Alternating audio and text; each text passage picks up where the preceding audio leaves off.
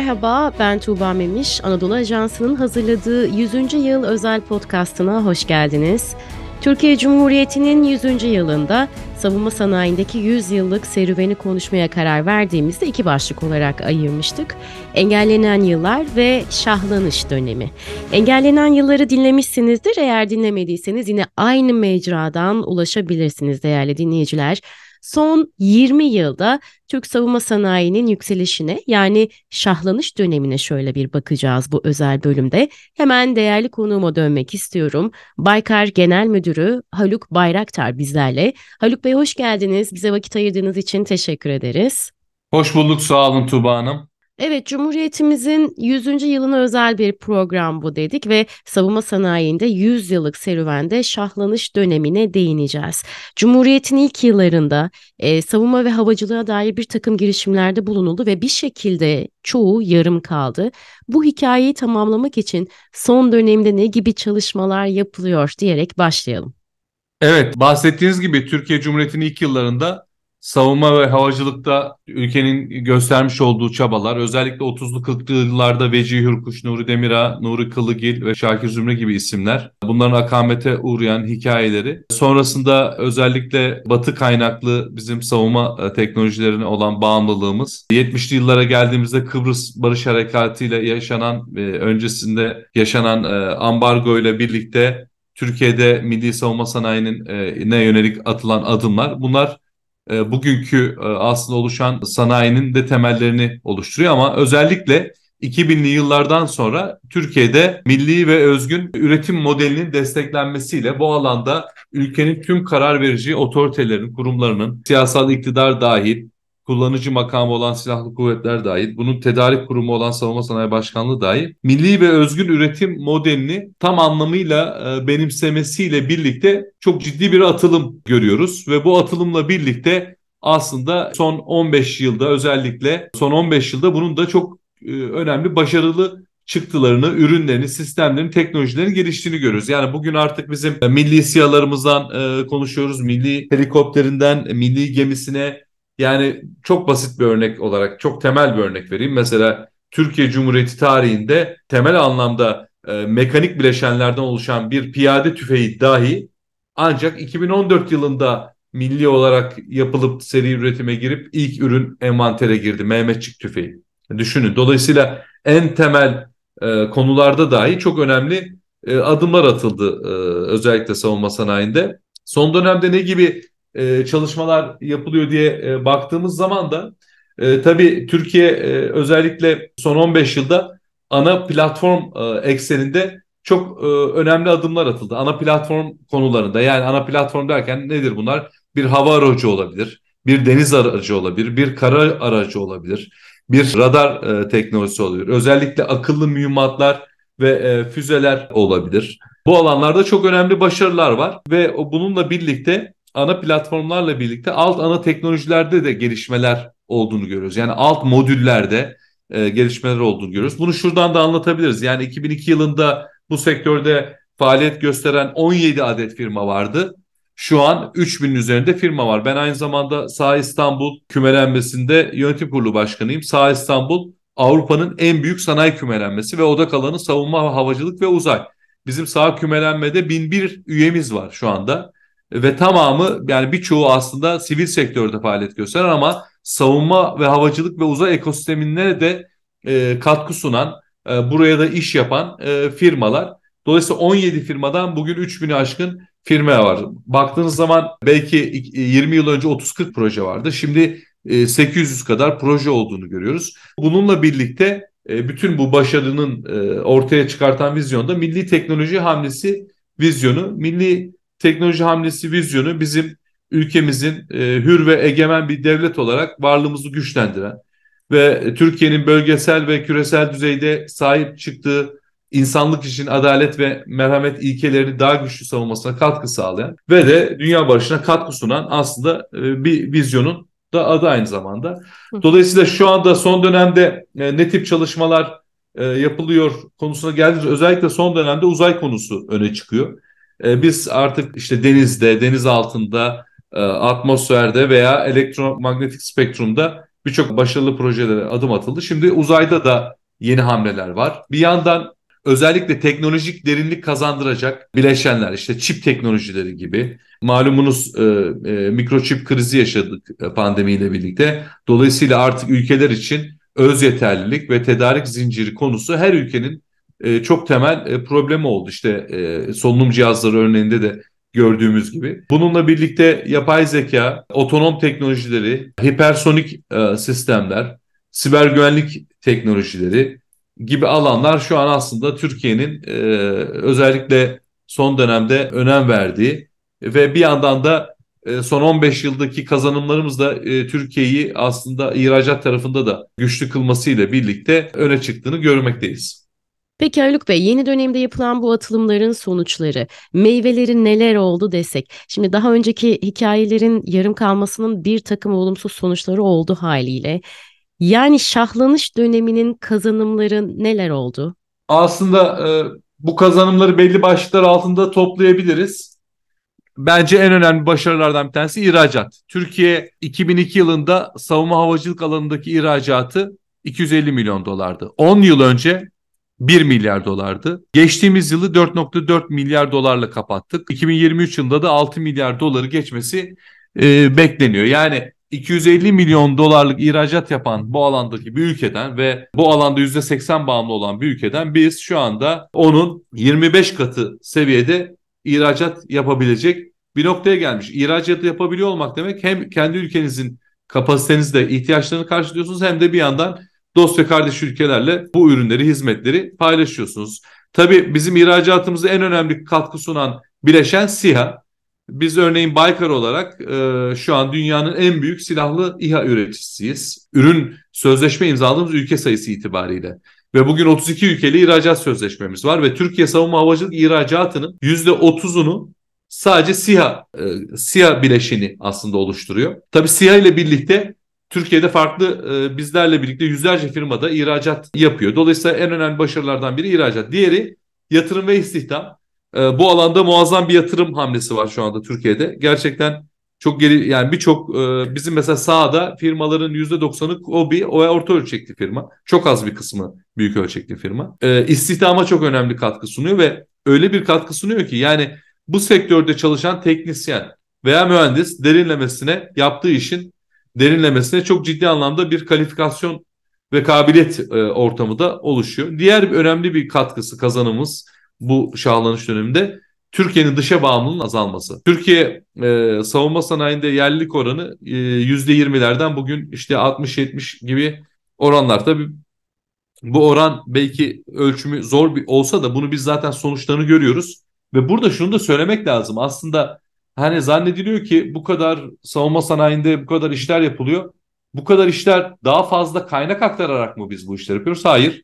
Türkiye bundan 20 yıl önce gayri safi milli hasılasının %4'ünü bu e, savunma harcamalarına yapıyordu. Bugün o %4'ünü harcamıyor. %2'sini, %1,5'unu harcıyor.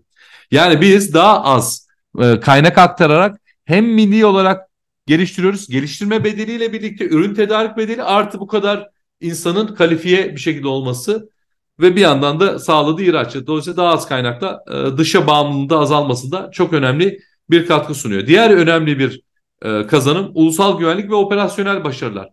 Türkiye hem sınır içinde hem sınır ötesinde özellikle işte Suriye'de, Kuzey Irak'ta Fırat Kalkanı, Zeytin Dalı, Barış Pınarı harekatlarında göstermiş olduğu başarılar.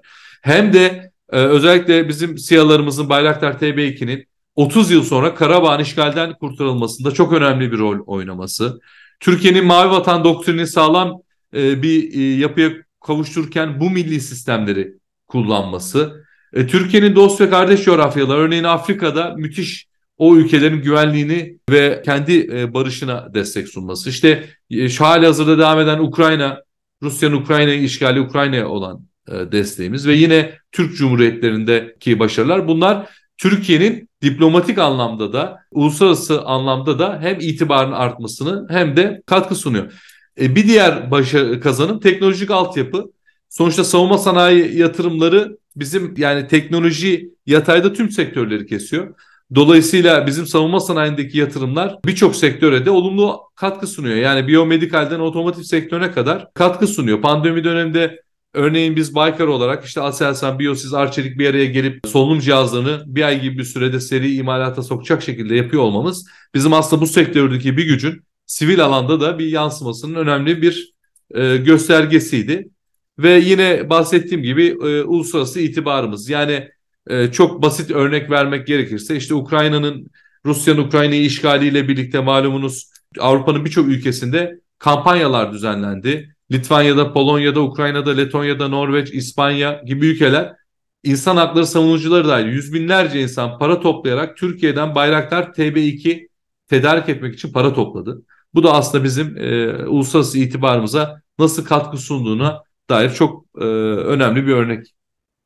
Peki Haluk Bey, e, dilerseniz ambargolara değinelim. E, ilk ambargo aslında ülkemize 1974 yılında Kıbrıs Barış Harekatı esnasında yapıldı ve bu hala devam ediyor. E, Türkiye'ye uygulanan bu ambargolara ilişkin neler söylersiniz? E, bahsettiğiniz gibi yani e, biz Kıbrıs Barış Harekatı'nda ambargo ile karşılaştığımız zaman e, bizim aslında bugünkü büyük vakıf şirketleri, Türk Silahlı Kuvvetleri'nin güçlendirme vakıf şirketlerinin kurulduğunu görüyoruz. Mesela Selsan 75 yılında kuruldu. TÜSAŞ 73 yılında o dönemlerde kuruldu. Sonrasında Roketsan ve yine Havelsan.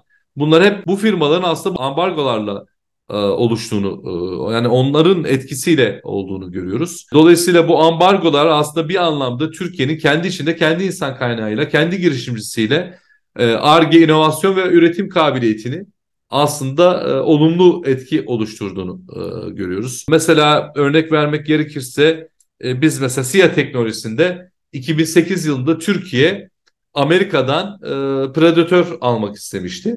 Yani paramızla Predator satın almak istemiştik. Ama bize vermemişlerdi ama biz ondan 6 yıl sonra kendi milli olarak geliştirdiğimiz SİA'yı onlardan da daha üstün olacak şekilde e, silahlı bir şekilde geliştirdik. Ve şu an yani e, düşünün hem sınırlarımızı hem sınır ötesindeki harekatlarda kullanıyor hem de dünyanın en büyük e, silahlı İHA üreticisi haline geldik. E, bunda ambargonun etkisi var mı? Var tabii ki var.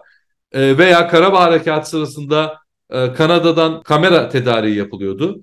Bizim SİHA'ların kameraları e, Kanada'dan tedarik ediliyordu. Bir yandan da Aselsan'ın geliştirdiği kameralar vardı. E, Ka Karabağ Harekatı'nda bu kameralar kullanıldı diye Kanada ambargo koydu ama biz hemen bir ay içerisinde Aselsan'ın geliştirdiği optik, elektrooptik e, sistemleri, kamera sistemleri kullanarak e, başarılı bir şekilde operasyonlar devam ettirildi ve bu kameralar şu an 12 farklı ülkeye de ihraç ed- e, ettiğimiz bir noktaya ulaştık. Dolayısıyla bunlar belki çok olumsuz gibi gözükse de aslında bizim kendi içimizde e, çözüm üretmemizde, geliştirmemize de e, aslında e, katkı e, sunuyor ve yüksek teknoloji geliştirme yolculuğumuzun da e, itici gücü haline geliyor ve bunları bize uygulayan ülkelere de maddi anlamda e, olumsuz e, katkı sunuyor açıkçası. Şimdi ben Teknofest'i konuşmak istiyorum. Ee, ilki 2018'de gerçekleştirilmişti ve son olarak 100. yıl dolayısıyla 3 e, büyük şehirde İstanbul, Ankara ve İzmir'de gerçekleştirildi. Şimdi ben festivalde size de mikrofon uzatmıştım Ankara'daki festivalde. Bir adım atıyoruz, e, milyonlar olarak geri dönüyor demiştiniz. Savunma sanayisi anlamında Teknofest'in etkisini sormak istiyorum. Şimdi e, Teknofest gerçekten bizim e, Türkiye Teknoloji Takımı Vakfı ile birlikte işte yüzü aşkın paydaş teknoloji firması, işte kamu kurumu, STK'larla birlikte düzenlediğimiz bir organizasyon. Müthiş bir organizasyon. Yani milletimiz için yaptığımız e, çok önemli bir sosyal sorumluluk aktivitesi ve ben açıkçası Türkiye'nin milli teknoloji hamlesi dalgası e, vizyonu kapsamında bunun bir devrim olduğunu düşünüyorum. Gerçekten gençlerimize müthiş bir ufuk açıyor. E, her alanda yani bunu bir savunma sanayisine odaklamak da açıkçası e, çok doğru değil. Her alanda uzay teknolojilerinden insan, insanlık yararına teknoloji, sağlık teknolojisinden enerji her alanda gençlerimizin gelişmesine, kendini geliştirmesine, takım kurup proje yapmasına, hayallerinin tetiklenmesine katkı sunan bir organizasyon ve dünyanın en büyük organizasyonu. Bakın biz ilk yaptığımız zaman ilk yılında 550 bin ziyaretçi vardı. Son bu yıl yaptığımız Teknofest'te sadece 1 milyon yarışmacı başvurdu. Katılan ziyaretçiden daha fazla yarışmacı başvurdu. Ve bu sene 3 tane Teknofest, Cumhuriyetimizin 100. yılında İstanbul, Ankara ve İzmir'de düzenlediğimiz 3 Teknofest'te de 4.6 milyon vatandaşımız e, katıldı. Dolayısıyla bu çok e, bu çok önemli bir açıkçası e, kazanım ve gençlerimizin e, hayallerini tetiklendiği çok önemli bir organizasyon ve her alanda yarışmaların olduğu bir organizasyon ve bugün gençlerimiz üniversite çağında veya lise çağında projeler yapıp somut bir şekilde kendilerini geliştirmeye, ülkeleri ve dünya adına fikirlerini, hayallerini gerçekle buluşturmak için müthiş bir platform oldu. Haluk Bey şimdi e, biz bu şahlanış dönemini e, bir nevi inşa dönemi olarak adlandırırsak bu dönemin ardından Türkiye'yi e, savunma ve havacılık sanayinde nasıl bir gelecek bekliyor? Bu hikaye bundan sonra sizce nasıl devam eder? Açıkçası Türkiye özellikle e, son e, son 15 yılda yaptığı atılımlar. Tabii ben daha savunma havacılık e, e, odağında konuşursam e, gerçekten biz belki farkında değiliz ama çok büyük kazanımlar var. Çok büyük kazanımlar var ve bu kazanımlar Türkiye'yi bölgesinde bir güç haline getirdi ve bunu küresel anlamda da bu gücü e, diplomatik anlamda da projekte eden, itibarını artıran e, bir noktaya getirdi. Dolayısıyla e, Türkiye kendine yetebilen bir ülke e, olma yolunda hızla ilerliyor ve güçlü bir şekilde e, bağımlılıklarında giderek azaldığını görüyoruz. Özellikle yapay zeka, siber güvenlik, uzay teknoloji, insansız sistemler, akıllı sistemler gibi alanda e, çok önemli atılımlar var ve Türkiye bu alanda gençlerimizin de e, bu alanlarda kendini geliştireceği daha e, iyi eğitim olanağı olan kabiliyetlerini geliştirecekleri bir ortamda oluşmuş oluyor. Bir yandan ekonomik anlamda da bunlar katma değerli alanlar. Yani bakın bugün biz 6 milyar dolar bu sene savunma sanayi ihracatı katma değer anlamında değerlendirdiğinizde belki 30 milyar dolarlık çelik ihracatına denk. Çünkü burada katma değer çok daha fazla ön planda bu sektörde.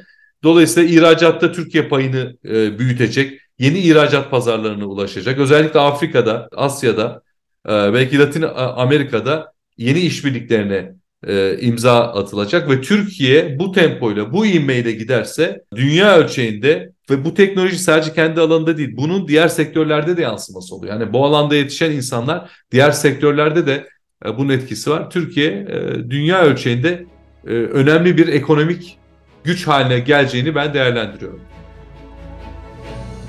Evet değerli dinleyiciler, Türkiye Cumhuriyeti'nin 100. yılında savunma sanayindeki şahlanış dönemini konuştuk. Değerli konuğum Baykar Genel Müdürü Haluk Bayraktar bizlerleydi. Haluk Bey çok teşekkür ederim yayınımıza katıldığınız ve değerli katkılarınız için. Ben de teşekkür ediyorum. Bizi dinlediğiniz mecralardan takip etmeyi unutmayın efendim. Hoşçakalın.